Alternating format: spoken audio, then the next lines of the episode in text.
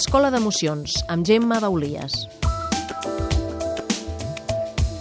De nou som a l'Escola d'Emocions. Avui ens acompanya la Gemma Baulies, que és pediatra, és homeòpata, és coautora del llibre L'aventura de relacionar-se, és metge naturista, i avui ens parla d'una emoció molt pròpia dels nens, també segurament dels adults, que és la insatisfacció. Benvinguda. Hola, benvinguda. Gràcies.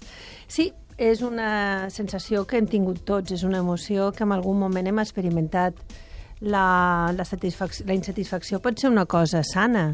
Si tu vols arribar a un puesto, estàs estudiant una cosa i resulta que veus que això, això no en tens prou i vols aconseguir adavant, bueno, pot ser molt bo perquè també t'ajuda a avançar i a tindre més coneixements o a canviar de situacions que a tu no t'agraden, però hi ha, una, hi ha una insatisfacció que no és sana és aquella que està envoltada de rancúnia, d'enveja, de ràbia, eh, quan no tens el que vols, a, a vegades aquesta insatisfacció, en vez de convertir-se en un motor que diu, venga, anem a aconseguir el que realment vols o planteja el que realment vols, es converteix això en un forat, en un forat que, no, que no li veu sortida. No?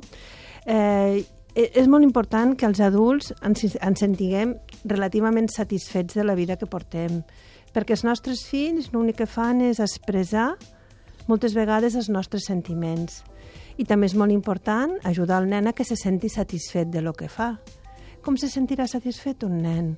Pues si el pare es mostra eh, complaent, content, satisfet de les coses que el seu fill fa.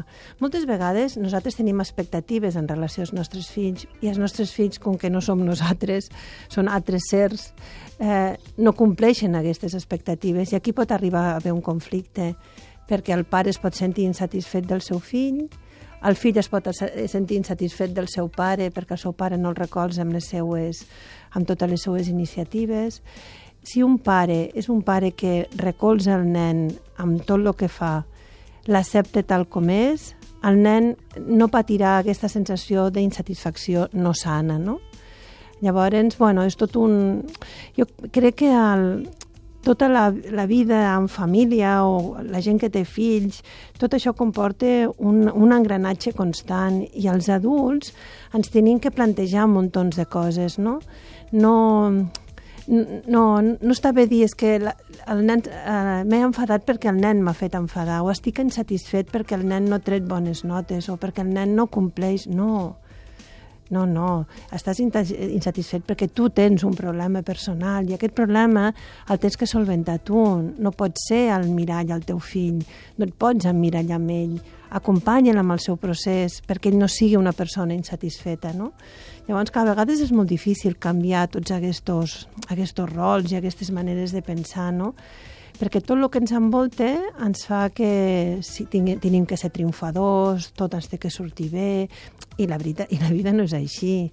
La vida és, bueno, pues anar vivint, anar disfrutant dels petits moments, anar disfrutant dels petits moments i anar acompanyant-nos tots amb nosaltres. Nosaltres com a pares, que jo també sóc mare, bueno, em toca aquest, m'ha tocat fer o em toca fer aquest pas d'acompanyar amb els meus fills amb les seues decisions. Si més no podem descobrir que hi ha en la insatisfacció, aquesta informació que ens aporta la insatisfacció, que moltes vegades és un motor. Sí, sí. Gràcies, Gemma Baulies.